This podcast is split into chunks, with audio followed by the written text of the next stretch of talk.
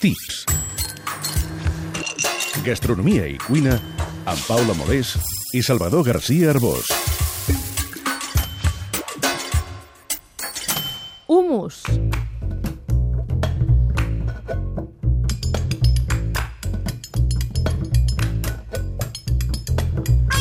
Nosaltres diem humus, però si ens trobem amb algú del Pròxim Orient diria hummus, que en àrab vol dir cigró.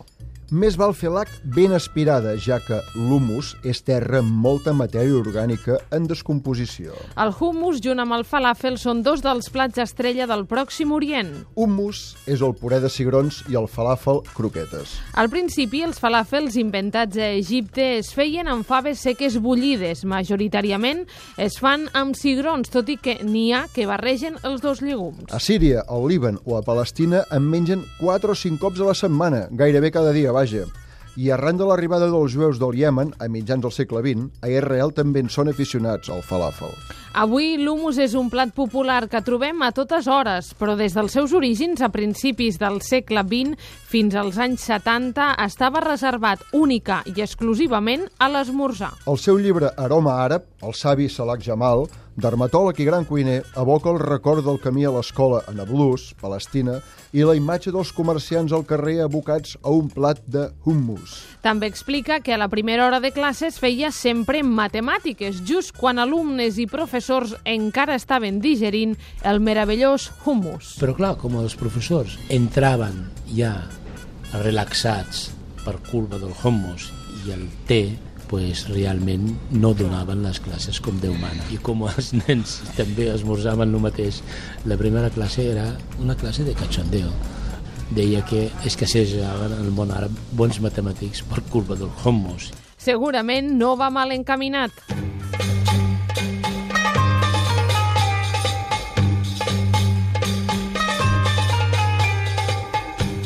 El hummus és un plat deliciós, però més encara si aconseguim una textura sedosa i cremosa. Ciurons, sal, all, suc de llimona... I tahina, pasta de sèsam. Tot això triturat. I segons el cànon palestí, s'ha de decorar amb comí, un raget d'oli d'oliva, julivert i, sobretot, no us la deixéssiu, ceba tendra dolça. El que dèiem, que el més problemàtic de l'humus és aconseguir la textura perfecta. S'ha d'anar jugant amb l'aigua o amb la tahina. Ha de quedar cremós, ni massa líquid ni massa espès. L'humus és una elaboració de Déu, garanteix que tothom pugui menjar llegums, ja que és una preparació que evita meteorismes i disminueix les flatulències. Diuen, diuen, diuen que la recepta original ve de Beirut, capital del Líban, on fan la millor tahina del món i segurament és immillorable, però ja fa un temps que se'n fan variacions. Algunes rosades amb remolatge. O verdoses amb el bocat. Fins i tot al Regne Unit algú ha tingut l'extravagant idea de fer humus dolç, cigrons amb xocolata.